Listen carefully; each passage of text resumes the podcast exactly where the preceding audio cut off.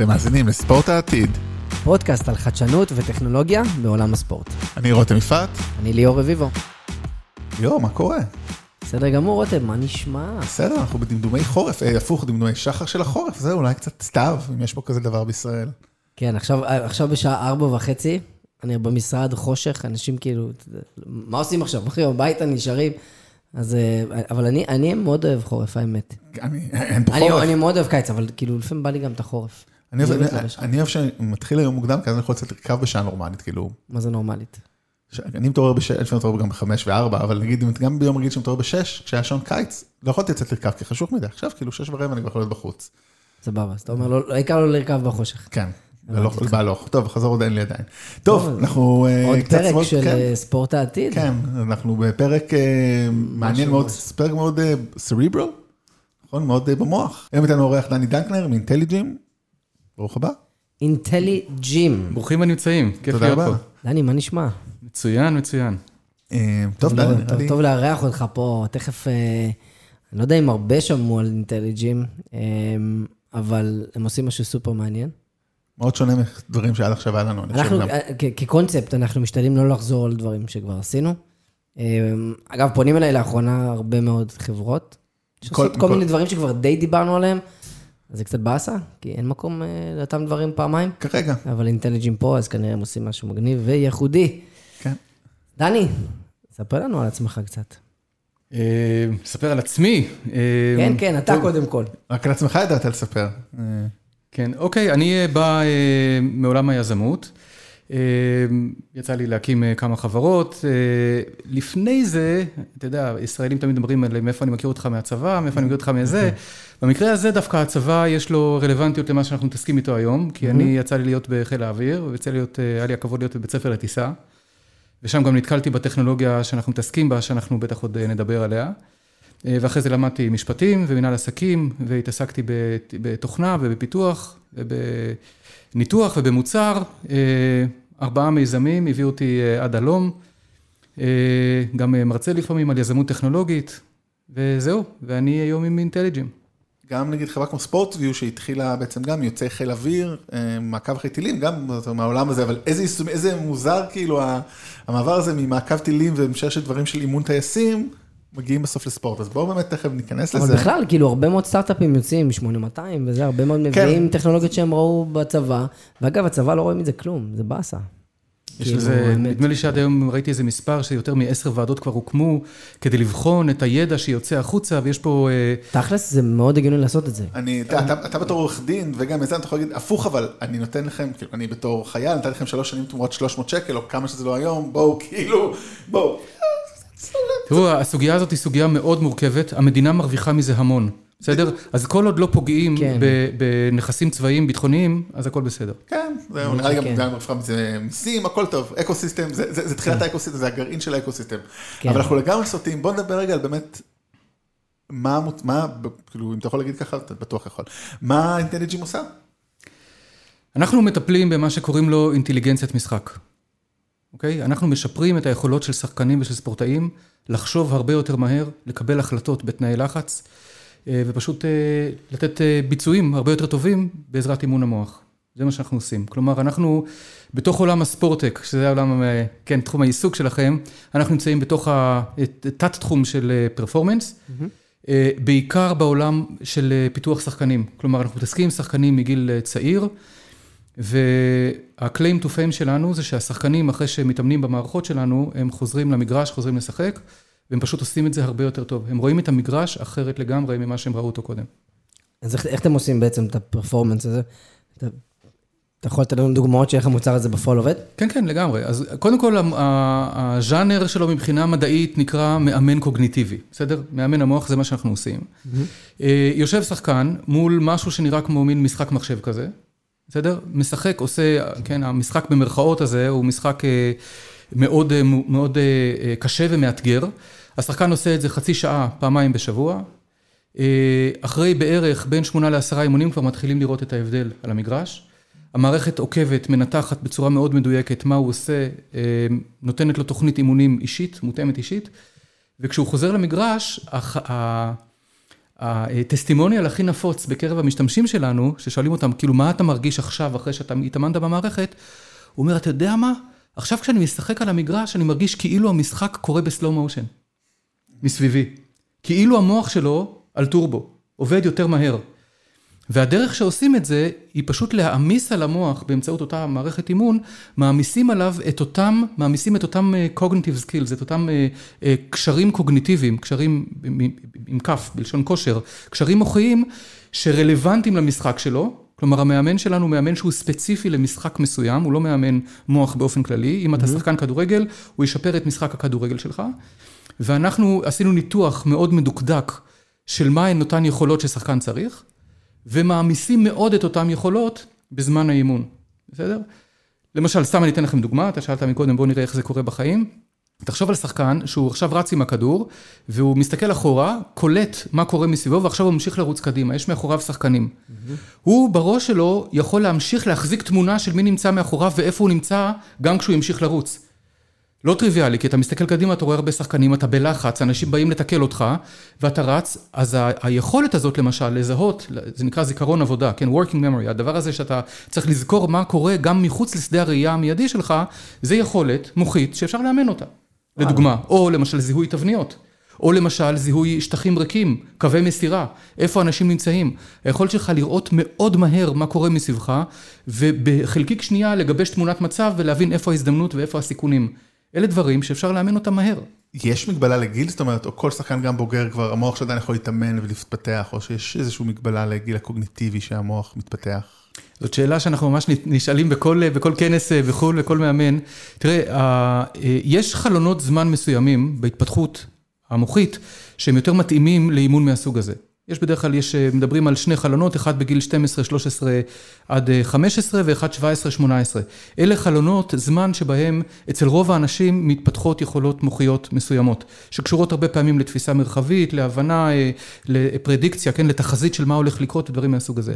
אצל שחקנים מקצוענים, נגיד גיל 22, 23, ההתפתחות תהיה יותר איטית, אבל יש פה trade off.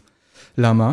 כי כשאתה יכול לקחת שחקן שאין לו שום יכולות על המגרש, בוא ניקח איזה ילד בן שמונה שעכשיו הוא משחק והוא לא משחק כל כך טוב. הוא יכול להיות גאון על המשחק, לראות את המשחק יותר טוב מכולם, אבל אם הוא לא יודע למסור ולא יודע לקבל מסירה ולא יודע להרים קרן, אז שום דבר לא יעזור, גם אם הוא גאון. כלומר, האקזקיושן הוא לא יהיה טוב. אצל שחקן מקצועני יכול להיות הפוך. כלומר, שיפור קטן מאוד ביכולת קבלת ההחלטות, בגלל שהוא כל כך מיומן עם הרגליים, אז הוא יכול לעשות הבדל מאוד גדול. אני מנסה לדמיין רגע על עצמי בתוך שחקן כדורגל. קודם כל זה make sense. אתה בעצם עושה לי אימון סופר אינטנסיבי, אם אני מבין נכון, אה, מנטלית, ואז אתה מצפה שאני will perform better on the pitch, נכון? אבל איך אתה יכול להוכיח את זה? כאילו, דיברת מקודם, אמרת, מה אתה מרגיש עכשיו? סבבה, קודם כל זה יכול להיות סובייקטיבי, נכון? כי פסיכולוגית, אני יודע שגם עברתי איזשהו אימון. אני יכול לחשוב שזה שיפר, שיפר אותי. אבל אתה יודע, יש מדדים שאתה אומר 1 או 0, עבד, לא עבד. מה מדדי הצלחה שלכם? מעולה. אז אה, קודם כל, יש לי על זה הרצאה שלמה, אבל אני אשתדל לעשות את זה בקיצור. תראה, קודם כל יש לי טיפ לכל מי שמאזין לפודקאסט הזה.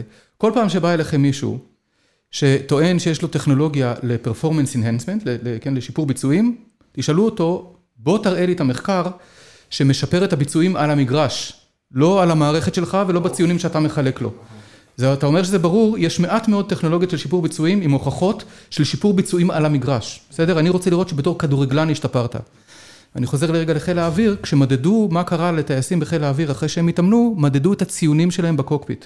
בסדר? לא אכפת לי כמה, כמה הוצאת על המחשב, אכפת לי אם אתה טייס יותר טוב, זה הסיפור. פה במקרה הזה, יש אה, מחקרים מאוד מדוקדקים שנעשו, אנחנו בין היתר, אה, היה לנו, אה, זכינו ב grant של האיחוד האירופי, קיבלנו שני מיליון יורו במסגרת Horizon 2020, ושתי אוניברסיטאות מאוד מכובדות עשו מחקרים, עשינו פיילוטים על עשרה מועדוני כדורגל בגרמניה, בהולנד ובאוסטריה. איזה יש רשימה גדולה מוורדר ברמן, דרך רפיד וינה, דרך, אתה יודע, יש כל מיני זה, בהולנד יש את איינדובן ואלקמר, מתאמנים, הפיילוטים שלנו רצו באקדמיות. אקדמיות לכדורגל זה המקום הקלאסי. זאת אומרת, איזה גילאים? שם אנחנו מדברים על גילאי נגיד 14 עד 16. אז בדיוק האמצע בין מה שדיברנו מקודם, נכון. זה ילדים שכבר, או שיש לך כבר כישרון או כלומר, לא. יש שם יותר שכבות גיל באקדמיה שמשתמשות, אבל הגיל שעשו עליו את הניסוי זה קבוצת גילאים הזאתי. ואז הגיע האוניברסיטת, חוקר באוניברסיטת קולון בגרמניה, אוניברסיטת ספורט מאוד ידועה, ומאוניברסיטת אמסטרדם, אם אתם שמעתם את השם, פרופסור דניאל ממרט הוא ראש התחום למדעי הקוגניציה באוניברסיטת הספורט של קולון. בסדר? איש מבין דבר או שתיים בביצועים מוחיים, והוא עושה את הניסוי הבא, הם מאוד מסודרים, הוא לוקח כמה קבוצות, את הקבוצות, את השחקנים בכל קבוצה, הוא מחלק רנדומלית לשניים, חלק הוא מאמן באינטליג'ים, וחלק הוא מאמן על משחק מחשב אחר, כדי שלא יהיה פה אפקט של פלסבו או משהו מהסוג הזה, ואז הוא מודד אותם על המגרש. איך הוא מודד אותם על המגרש? יש מערכת שלמה שנקראת, שהיא לא הומצאה בשבילנו, היא קיימת, נקראת notation system, שהולכים עם מצלמות מעל המגרש, ומודדים ורושמים כל פעולה שכל שחקן עושה על המגרש כל המשחק. זאת אומרת, כל מסירה, קבלת מסירה, התמקמות טובה, חציית קווים, כל הדברים האלה. אתה מסיים את המדידות האלה עם עשרות אלפי data points, בסדר? ואז אתה יכול לתת ציון, ולכל פעולה כזאת יש לה ציון ערך, כמה הוא מביא ערך לקבוצה.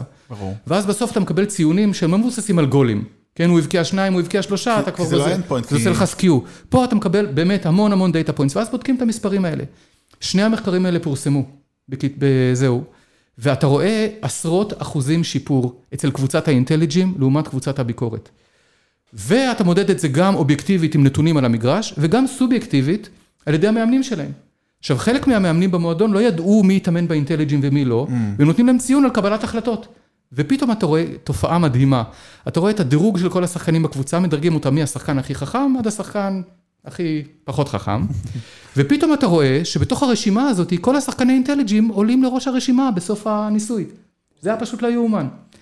אז זה מאוד מאוד יפה לראות את זה. ובסוף גם אספנו עוד פרק של ניסוי, שזה לבדוק מה הציונים באינטליג'ים, פה אני מדבר על הציונים על המחשב, איך הם ביחס לציונים שהמאמנים נותנים להם שנה מהיום. כלומר, משתמשים במערכת בשביל פרדיקציה. למה? כי המועדוני כדורגל האלה והאקדמיות לכדורגל, יש להם המון מועמדים. הם צריכים עכשיו להחליט מי השחקנים היותר מבטיחים. אומרים, בואו נשתמש בכלי הזה כדי לבחור את השחקנים היותר מבטיחים. מה זאת אומרת, אתה יכול להסביר את זה שוב? זאת אומרת, אני עכשיו בא, אני משתמש באינטליג'ים, אני ילד בן 14 בהולנד, גם נראה כזה, והאינטליג'ים אומר, עוד שנה אני אשתפר, אני אגיע לציון X. כן, אבל את, הלקוח, לצורך העניין של המידע הזה, זה, זה לא הילד, זה המאמן. כן. זאת אומרת, למאמן יש עכשיו 500 שחקנים, 500 מועמדים לקבוצה ויש לו 20 מקומות ברוסטר. כאילו, יש לו בקבוצה 20 ברור, מקומות. כן. איך אני אבחר את האנשים? אז לראות מי רץ יותר מהר, אני יכול.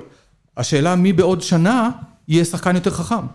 ואת זה אנחנו יכולים להגיד לו. למה שלא כולם ישתמשו בזה, אבל למה לבחור? זאת שאלה שאפשר לשאול על כל מוצר, אתה יודע, תמיד. לא, ברמה, בגלל שזה הישאלות, כאילו? רגע, שכל השחקנים ישתמשו בזה? כן. אז קודם כל, המוצר הזה עוד לא, אנחנו לא מוכרים אותו כמוצר לפרדיקציה. זה ניסוי שאנחנו משלימים אותו בימים אלה, כי צריך, זה ניסוי שלוקח הרבה זמן. אבל המוצר בסופו של דבר הוא מוצר B2C. אז כל ילד שרוצה להגיע לאקדמיה, יכול להיכנס, להוריד את המערכת ולהתחיל להתאמן בה. מעולה, אז רגע, תכף נדבר רגע על הכיוון שאתם עושים. אתה יכול לתת לי בבקשה, זה נשמע סופר מעניין, נראה לי שהבנו את הקונספט הכללי, אבל תן לי דוגמה לאיזשהו משחק כזה, אוקיי? בוא ניקח רגע כדורגל, כי כולם מכירים. איך נראה ממש סוג של אימון כזה? מה עושים? מה, מה החוויה? כן. מה המשימות? אז תראה, קודם כל חשוב להגיד שזה לא נראה כמו פיפא. כלומר, זה לא סימולטור של כדורגל במובן הוויזואלי. Okay. כי המחקרים בתחום הזה, ויש הרבה מאוד מחקר שנעשה בתחום הזה, מראה שסימולטור ויזואלי הוא דווקא יכול לפגוע בביצועים שלך. מעניין, למה? למה? בגלל שבסימולטור ויזואלי אתה מקבל הרבה פעמים, אתה מקבל רמזים, גם אודיטוריים וגם ויזואליים, כלומר גם רמזים קוליים וגם רמזים חזותיים, שבעצם אין לך אותם בעולם האמיתי. Mm. אוקיי? ואז אתה מתרגל לסמוך על מידע שאתה לא, לא מקבל אותו. כמו בעולם האמיתי. כן, הדוגמה כן. הקלאסית באה מעולם הטיסה דווקא, כשהתחילו הסימולטורים הראשונים לטיסה, הם היו עם רמת גרפיקה מאוד מאוד מוגבלת, ואז טייסים באו לנחיתה בסימולטור, והיה מאוד קשה לדמות בסימולטור עם גרפיקה מאוד פרימיטיבית, לדמות איך אתה מתקרב לכיוון ציר המסלול, לכיוון הנחיתה.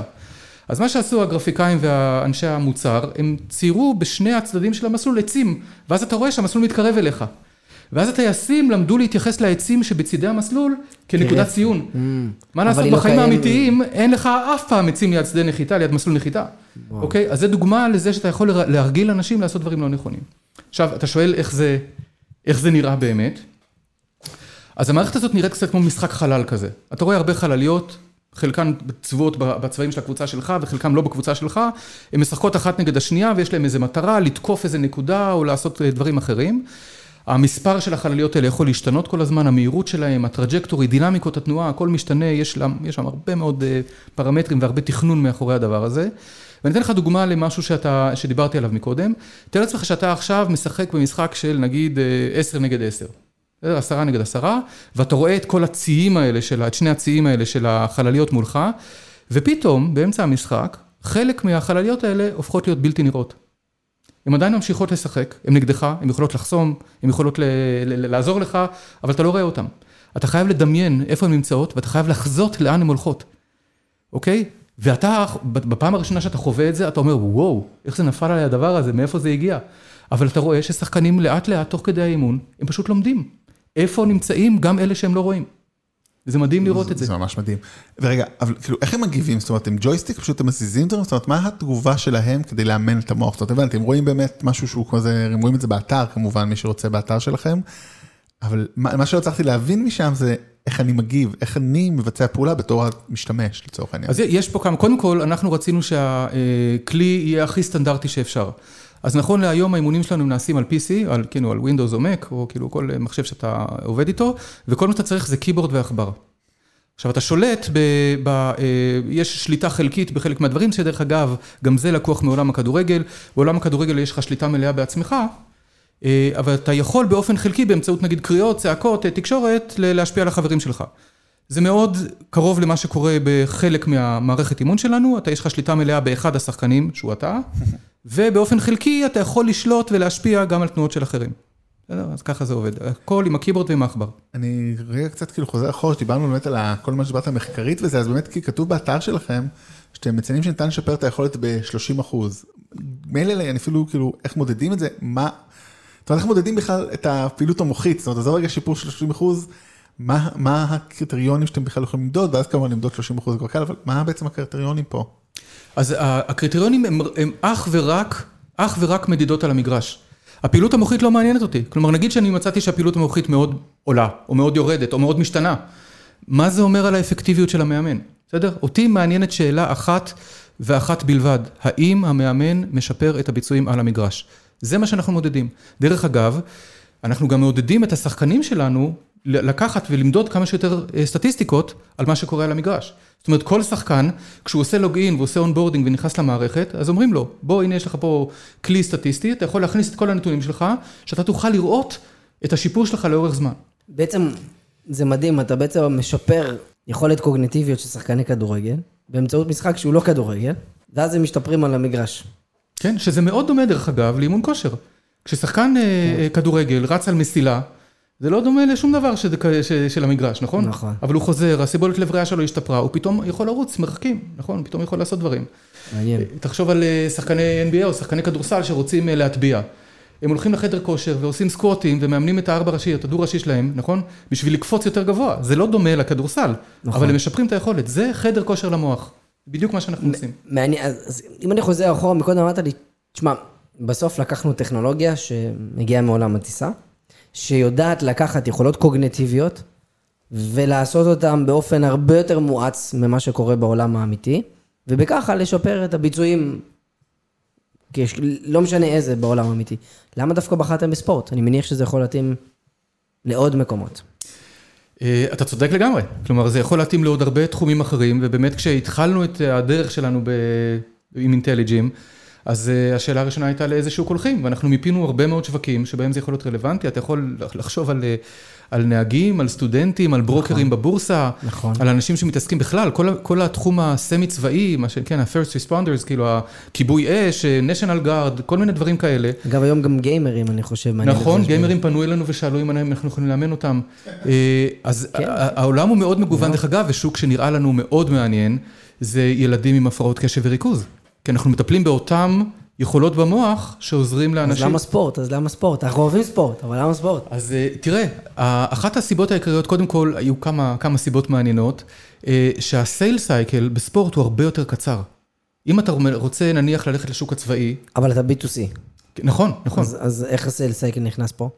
לא, ב-B2C זה אחת, ה, אחת התובנות שאליה הגענו. כלומר, אם. אם אתה מחליט ללכת ל-B2B, ואתה מחליט ללכת לממסד, נגיד שהיינו הולכים לשוק הצבאי. אוקיי. בסדר. כן, שם זה... שם זה סייל סייקל של שנים, זה כן, כאילו כן. זה מאוד ארוך ומכרזים וסיפורים נכון. אה, כאלה. אם אתה הולך לש- לשוק הנהיגה, אתה תלוי ברגולטור. כלומר, נכון. יש, יש הרבה מגבלות, והגענו למסקנה ששוק הספורט, בגלל שהוא מאוד תחרותי, בגלל שיש בו הרבה מדידות, ובגלל שניצחון שווה הרבה מאוד כסף, כן? קבוצה שעולה נכון. לפלייאוף מול קבוצה שלא עולה לפלייאוף, נכון. ההבדל הפיננסי הוא אדיר. נכון. אם אני יכול לתת לו לא 30 אחוז, אם אני יכול לתת לו 5 אחוז שיפור, עשיתי, עשיתי משהו משמעותי, נכון. אוקיי? אז שוק הספורט, אה, אנחנו הגדרנו אותו כשוק הראשון, שאיתו אנחנו מתחילים, אבל החברה, האופק שלה הוא הרבה מעבר לספורט.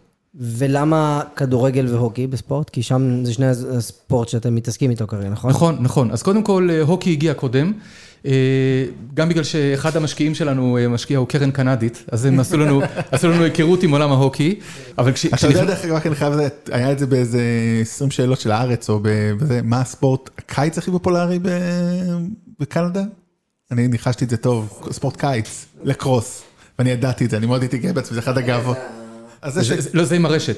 זה עם הרשת תופס וכזה רץ, סתם. שכולם כמו ציידי פרפרים, רצים עם כן, מקל ועם רשת ומוסרים כדור. אז זה אולי כאילו הספורט השלישי או הרביעי שלכם, לך תדע.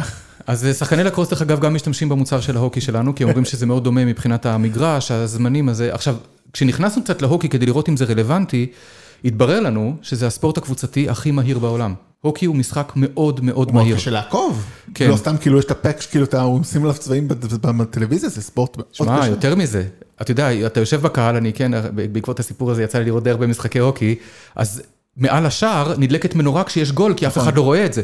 אז פתאום יש גול, כולם קמים ומוחאים כפיים, ואז שואלים, מה קרה, מה קרה? אתה יודע, כאילו לא, אתה לא רואה את זה, הדברים קורים שם נורא מהר, וגם השחקנים, אם אתם ראיתם משחק הוקי, הרי המשחק הוא משוחק בשיפטים, כאילו במשמרות. כלומר, שחקן נכנס למגרש, רץ בספרינט 30 שניות, ויוצא החוצה לנוח. כלומר, כל הזמן הם מתחלפים, כי הם לא מסוגלים לעמוד בקצב של המשחק. כל הזמן השחקנים מתחלפים. כל 30 שניות, כל הליין שלי מתחלף, הליין של ההגנה והליין של ההתקפה, כל הזמן מתחלפים. בסדר? כל 30 שניות. זה מטורף. הקצב הוא מאוד מהיר, הפאק רץ על הקרח מאוד מהר, ולכן... הרבה מהמיון, מהסלקציה של השחקנים הצעירים, ששחקנים צעירים גדלים ואחר כך הופכים להיות שחקנים ברמה יותר גבוהה וטריפל איי וקולג' וכן הלאה וממשיכים למקצוענים, הרבה מהסלקציה היא סביב מהירות החשיבה. הרבה שחקנים מנופים כי אומרים אתה לא חושב מספיק מהר. אז פה אמרנו וואלה, אנחנו עולים על אה, בעיה אמיתית, על צורך אמיתי.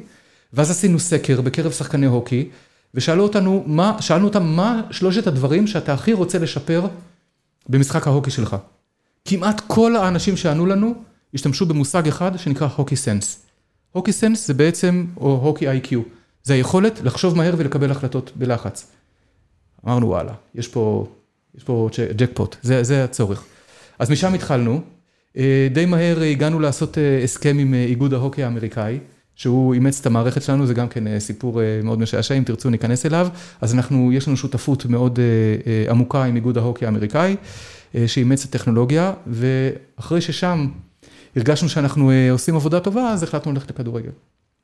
אני, זה באמת, אם כבר בדיוק התחלתי לספר על זה, איך עובד תהליך המחקר, הפיתוח, בעצם בכלל, אמרת כל הרעיון לחברה, זאת אומרת, היה לכם רעיון לכלי אימון קוגניטיבי, ואז אמרתם ניישם אותו על ספורט, ואז כמו אמרתם, הלכנו לקנדים, או זה התחיל בעצם, יש את העולם הזה של אה, סימולציות טיסה, כי באמת המנהל המדעי וכל הצוות, זה הם אנשים באמת אה, דוקטורים ופרופסורים לקוגניציה, ובאים באמת מטכניון וכדומה, אז איך פשוט עובד התהליך, זאת אומרת, אם עכשיו באמת, לצורך העניין, אתם צריכים ללמוד את הספורט, תביא מומחה כדי ללמוד ספורט חדש. נגיד, אני חשבתי עכשיו על בייסבול, דיברנו פשוט פה לפני זה כמובן על הקמע של הפודקאסט שלנו, מאניבול.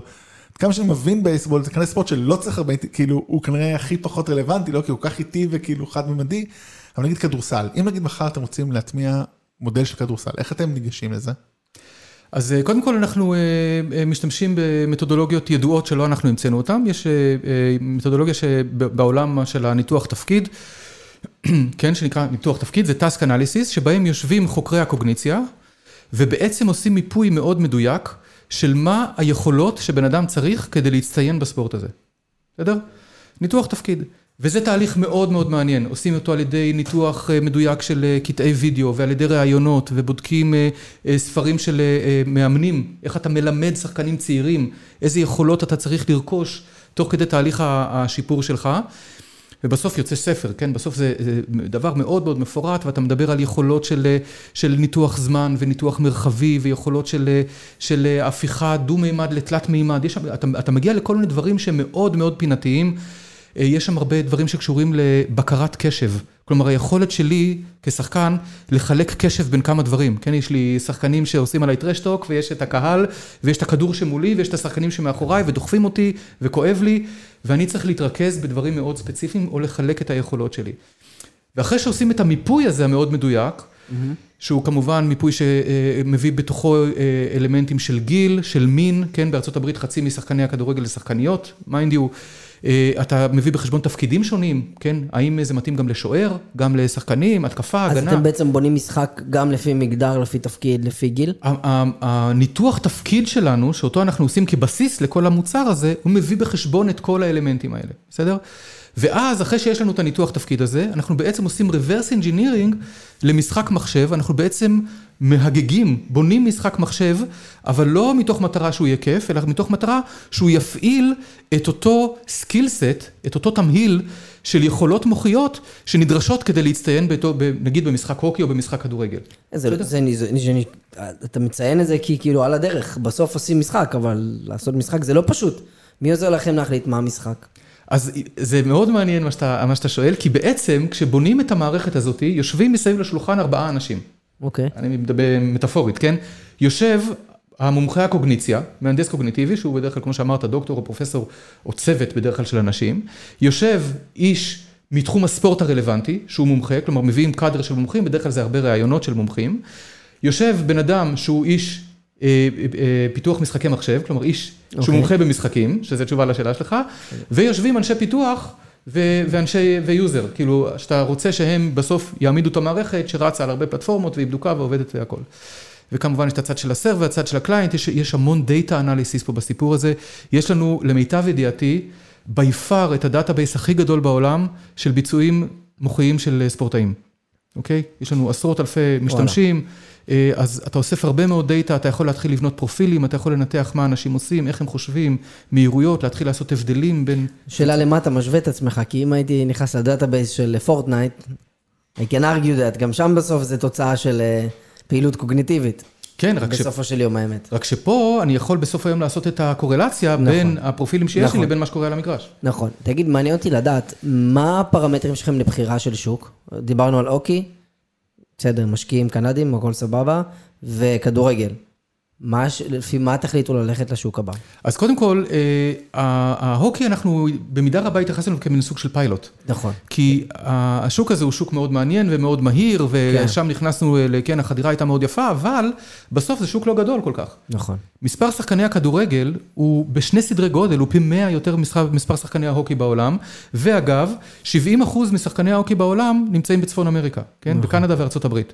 כל השאר וואו. זה שברי מדינות, כן, כלומר זה... וואו, כן. כבודם במקום המונח, אבל אתה מסתכל על שוודיה, אוקראינה, נורבגיה, כן, כן צ'כיה, כן, זה, זה יחסית שווקים קטנים. אז גודל השוק הוא כמובן מאוד רלוונטי. תראה, בשביל להגיע לכדורגל לא צריך להיות גאון גדול, זה הספורט הכי פופולרי בעולם, by far. by far. אתה מסתכל על המספרים, כן, מדובר על אה, כמה, 260, זה המספר שאוהבים לצטט אותו מפיפ"א, 260 מיליון שחקני כדורגל פעילים, רובם הם שחקנים צעירים, אוקיי? שזה השוק שלנו. אה, אז אנחנו מסתכלים על, על גודל השוק ועל היכולת לחדור, וגם אתה מסתכל על המבנה של השוק עצמו, אתה רואה איך המידע עובר בין הארגונים של הספורט למאמנים, כאילו איפה כן. מוקדי הידע, כן. ושחקן צעיר שרוצה להתפתח, את מי הוא ילך לשאול. כן. Okay? אוקיי? זאת השאלה. ועולם הכדורגל, בגלל הגודל שלו, אז יש לו, אה, אתה יודע, המון טריטוריות שונות, שפות שונות, רמות שונות של שחקנים. אז אה, למכור לכדורגל, לשחקני כדורגל בגרמניה, או בסין, או בברזיל, זה בעצם שווקים שונים. רציתי לשאול, א', כמה זמן זאת אומרת לוקח להטמיע את הספורט חדש? זאת אומרת, מחר אתם רוצים לצאת עם כדורסל, מתי המוצר יהיה מוכן?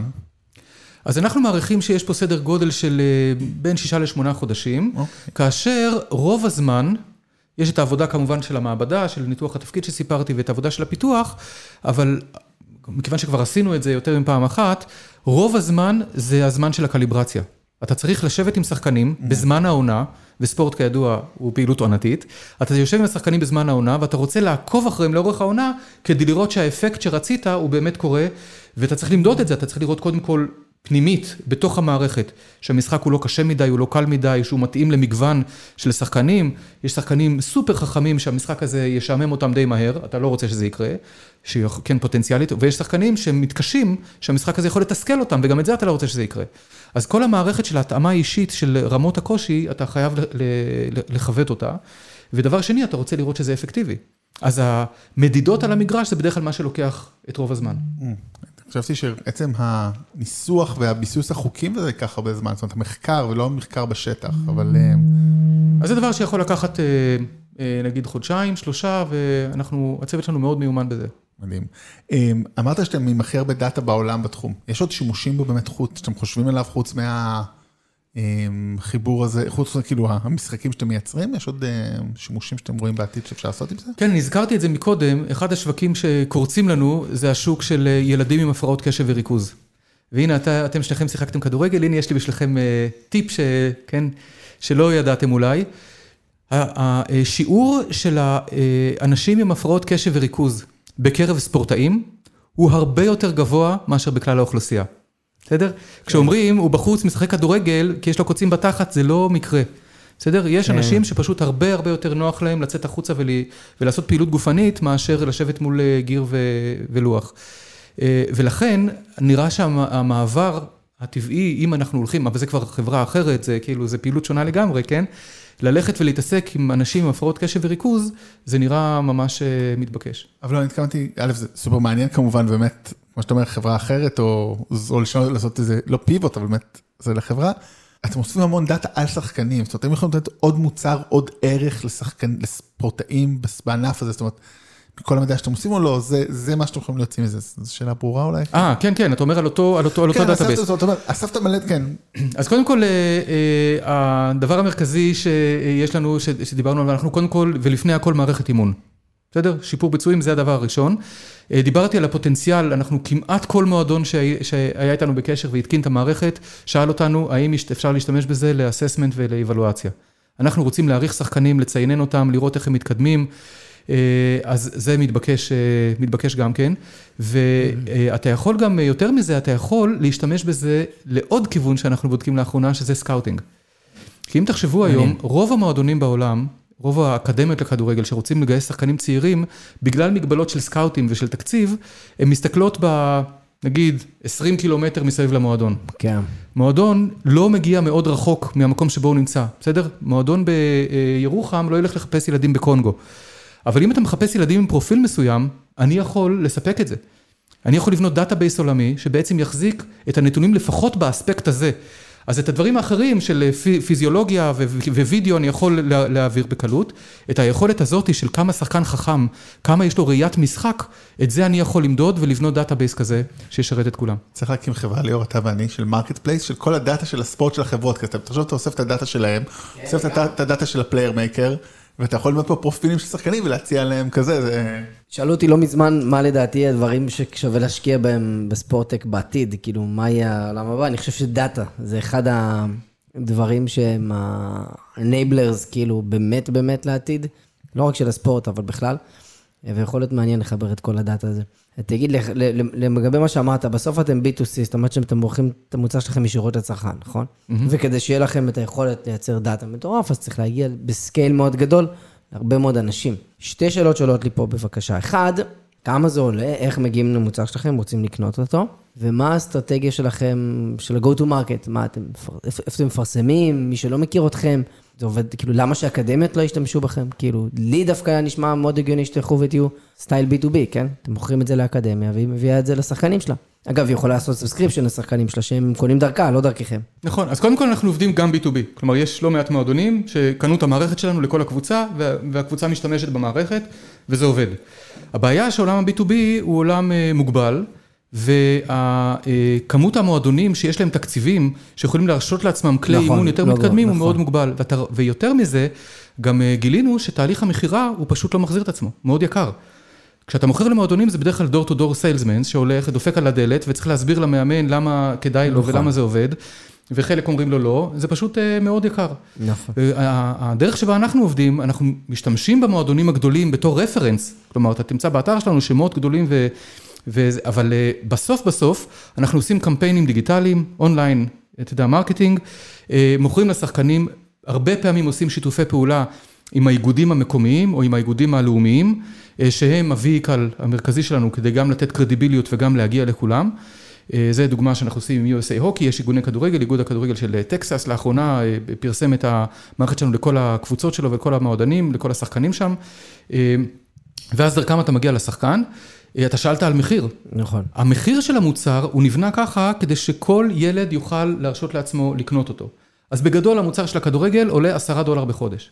בסדר, זה האימון. זה משחק אחד? כמה משחקים? לא, אז קודם כל המערכת היא מערכת אחת, שהיא בתוכה בנויה מסדרה של הרבה משחקונים, כלומר הרבה מאוד, יש כאילו וריאנטים בתוך איך זה עובד, איך זה נראה, זה כל הזמן מתעדכן, אבל בסוף אתה יכול במחיר של נגיד 100 דולר בשנה סדר גודל, 110 דולר בשנה, אתה יכול לקנות מנוי למערכת ולהתאמן בלי הגבלה. תגיד, האם כדאי לי לשחק, כן, נקרא לזה רגע ככה, לשחק כמה שיותר? כמו שאתה אומר, לא, גם, גם לזה יש תוכנית אימונים. וצריך לשחק באופן יומי, שבועי, כאילו, זה כאילו בעולם מושלם, טוב, ככל שאני אשחק יותר, כנראה טוב יותר. אז זה בדיוק, אני חוזר מקודם לאנלוגיה לחדר כושר. האם טוב ללכת כמה שיותר לחדר כושר? לא, לא. יש מגבלות. למה? כי כשהשריר שלך נח, הוא נכון, בונה את עצמו. נכון. אותו דבר קורה במוח, mm-hmm. מתברר. ומתברר שאותו תהליך שנקרא בשפה המקצועית קונסולידציה, אותו תהליך שקורה בנוירונים ובסירקץ, כן, במעגלים שיש לנו במוח, הוא קורה בצורה מאוד אינטנסיבית בלילה, דווקא, כשאנחנו ישנים. Mm. ולכן אנחנו ממליצים לפחות על שני לילות בין אימון לאימון. הרסיפט, כן, ההמלצות שלנו להתאמן זה פעמיים שלוש בשבוע, אוקיי? האימון האופטימלי זה כמו שאמרתי, אני אתאמן ביום ראשון, האימון הבא יהיה ביום שלישי, לא לפני זה, ואחר כך ביום חמישי.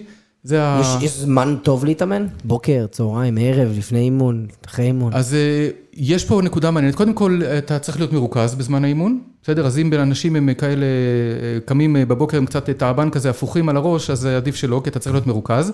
ועוד תופעה שזיהינו אותה עם הזמן, זה שאחרי חצי שעה, אימון הוא חצי שעה בסך הכל, בסדר? אחרי חצי שעה כזאת של אימון על המערכת שלנו, עייף. אתה עייף. כן, מנטלית. זה סוחט לך את המוח ברמות קשות. תחשוב למשל שאתה עושה נהיגת מרוצים חצי שעה. כן, כן. ככה לא, אתה מרגיש אחרי זה, אתה מרגיש סחוט. אוקיי? ולכן, אם יש לך אחרי זה אימון או משחק, זה לא טוב. אתה לא רוצה. הבנתי. אם אתה הולך להרים משקולות ולא אימצת את המוח יותר מדי, אז זה סבבה, אז אתה יכול לעשות אימון והכל יהיה בסדר. הבנתי. הבנתי, מעניין לאללה. אמ, מי המתחרים שלכם? כאילו, שוק של ה-cognitive performance אמ, הוא מעניין, יש בו שחקנים, כל אחד מביא את הזווית שלו לאימונים מוחיים. יש אפילו חברה ישראלית אה, גם שמתעסקת עם זה, עם קסדה. מי המתחרים שלכם העיקריים? אז תראה... אה, אה, יכול להיות שהם לא עושים בדיוק אותו דבר אגב. לא, לא, כי הכיוון שאתה הזכרת הוא כיוון של מתחרים ישירים, ואנחנו מסתכלים על זה, לפחות בביזדב שלנו, אנחנו מתייחסים לזה יותר במובן הרחב. כי כשההורים יחליטו אם לקנות כזה לילד שלהם, בסוף הילד קונה את זה ומשתמש בזה, ומי שמשלם זה ההורים. אז המתחרים שלי זה כל הסביבה, כל ה ecosystem שהם צריכים להחליט אם הם קונים את זה או קונים את זה. כלומר, האם ילכו למאמן כושר אחרי הצהריים, או יקנו לו עוד סט של כדורים, או אם זה מקרה של הוקי, יקנו לו עוד מקל חדש או עוד סקייטים, או שיוציאו עכשיו 300 דולר על לקנות לו... עכשיו, פה יש, יש הבדלים גדולים כמובן דמוגרפיים, כי למשל בעולם, בעולם ההוקי, לקחת ילד ולשים אותו על הקרח, עוד לפני שאתה יודע, התחלנו לדבר על שיפור ביצועים, זה 5,000 דולר בשנה. למה? סתם כאילו... ההוצאה הכי גדולה, דרך אגב, אנשים לא, בארץ לא כל כך מכירים את זה, אבל ההוצאה הכי גדולה של שחקן הוקי זה הזמן קרח. כלומר, המגרש להתאמן עליו, הוא עולה הרבה כסף. לתחזק אותו, לתפעל אותו, ולכן לחוג הוקי במרכאות, צריך לשלם הרבה כסף רק בשביל הזמן קרח. אחרי זה אתה צריך להוסיף לזה את כל הביגוד, את המגינים, את המקל, את הקסדה, את הכפפות, את כאילו כל מה שמסביב, זה סיפור די יקר. אני חושב שגיא אהרון מ Playermaker אמר אותו דבר בהקשר הזה שהתחרות היא... לא עוד אפליקציה, אלא עוד עולם ה ecosystem של שחקן כדורגל, זאת אומרת, החיים שלך. דיברת על השוק של ה-B2C, זה ראית 260 מיליון שחקנים, שחקני כדורגל בעולם, נכון? שוק יפה ומעניין בהחלט, חלקם יש להם יותר כסף, חלקם יש להם פחות כסף, 10 דולר בחודש, מחיר נגיש לחלוטין. מה היעד שלכם? לא רבנו, בוא נגיד, נדבר רגע במספר שחקני כדורגל. יש לכם איזשהו יעד שאתם מכוונים אליו בעתיד הנראה לעין? אז תראה, בואו, אני רוצה רגע לגזור אחורה מה, מהחזון של החברה. כן, אנחנו דיברנו קצת על איפה, איפה זה קורה בעתיד. אה, אנחנו חושבים שאימון המוח יהפוך להיות חלק אינטגרלי מאימון של כל שחקן תחרותי. בסדר? אם זה אה, בן אדם שמשחק, זה יכול להיות ילד או יכול להיות אה, הליגה למקומות עבודה, שמשחקים פעם בשבוע ועושים את זה רק בשביל הכיף ורק בשביל לחלץ את העצמות, זה לא, ה, זה לא הקהל שלי. הקהל שלי שהשחקנים שעושים באופן קבוע, מתאמנים באופן קבוע, כן, אנחנו קוראים לזה בתוך החברה, יש לנו, אה, כינוי- הכינוי של זה זה נעלי פקקים. מי שיש לו נעלי פקקים הוא לקוח שלי, בסדר? זה אני גם יש לי נעלי פקקים פה, אבל לא בשימוש הרבה זמן. אז יכול שאתה לקוח שלי. קיצור, זה ה... זה ה... בקיצור, כל מי שמתאמן, זה החזון הרחוק. כלומר, זה די ברור לנו בגלל שההבדל הוא כל כך גדול, שבסופו של דבר יקרה מצב שמי שלא עושה את האימון הזה, הוא פשוט לא יוכל להיות שם. בסדר? כן, זה מעניין. זה כמו שהיום, סתם דוגמה, נגיד היום אם מצפים משחקני כדורגל להתאמן גם במגרש וגם בחדר כושר, ואם אתה לא מתאמן בחדר כושר אז זה לא סבבה, אז אתה אומר שבעתיד גם אימון קוגנטיבי הוא חלק, לחל... כאילו חלק אינטגרלי לחלוטין מהתפריט של ספורטאים. נכון, נכון, מכל אימון. ואני אגיד לך יותר מזה, אתה יודע מה, תסתכל היסטורית על הספורט, אתה דיברת מקודם על, אה, רותם, על אה, כדורסל. תסתכל איך נראו, אתה, אתה מסתכל על סרטי NBA מלפני נגיד אה, 30 שנה, או 25 שנה, ואתה מסתכל על הסרטים של היום ואתה אתה קולט שמשהו נראה מוזר. פתאום אתה מבין שהשחקנים של היום הם נראים כמו body builders. נכון. לפני שנים היו מאמנים שלא הרשו לשחקנים להרים משקולות, כי אמרו זה יפגע להם בדיוק של הזריקה.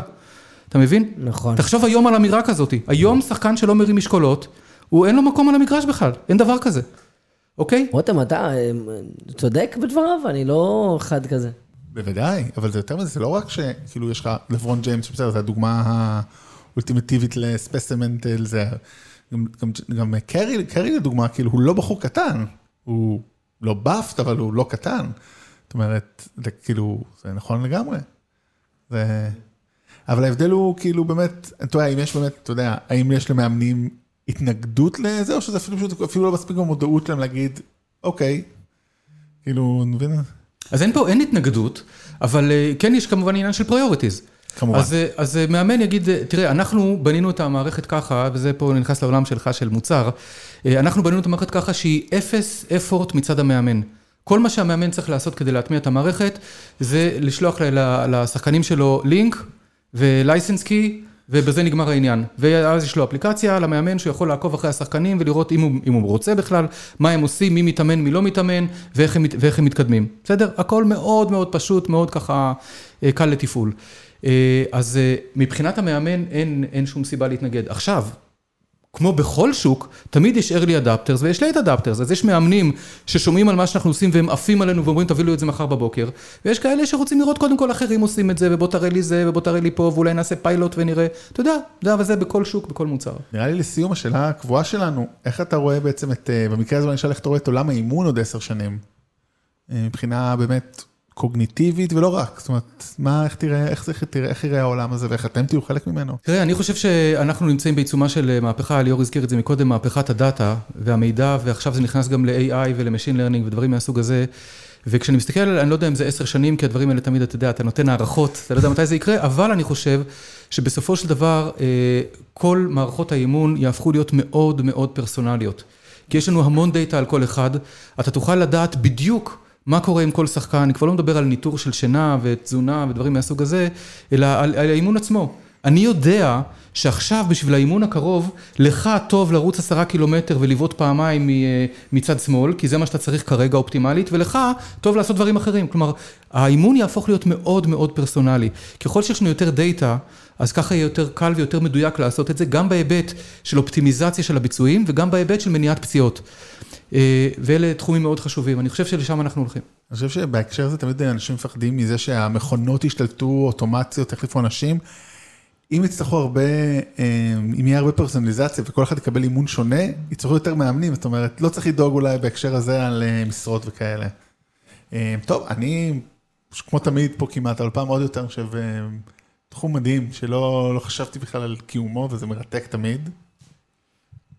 אמ, כן, אמ, קודם כל אנשים פה לא יודעים, אבל אנחנו מעבירים פה את המיקרופון כי אם אחד המיקרופונים אה, התקלקל בלייב, אבל הנה, שרדנו. אה, בכל מקרה, כן, האמת, האמת שהעולם של האימון הקוגניטיבי סופר מרתק. אה, ואני חושב שרב הנסתר על הגלוי בעולם המוח עדיין. ואם היום אתם עושים משחקים, מעניין איך זה יראה בעתיד, בטח עם מרק צוקרברג וההכרזות שלו למטאוורס. אגב, גם הספורט, איך הוא יראה בעולם הזה, זה מעניין. אם הספורט כולו הוא דיגיטלי, איך זה בעצם אימון כזה נראה. כי אין באמת real life games, שזה סופר מרתק, ואני אשמח כאילו גם to touch base בעתיד, איך אתם נכנסים גם לעולם הגיימינג, כי זה נראה לי קלאסי למה שאתם עושים.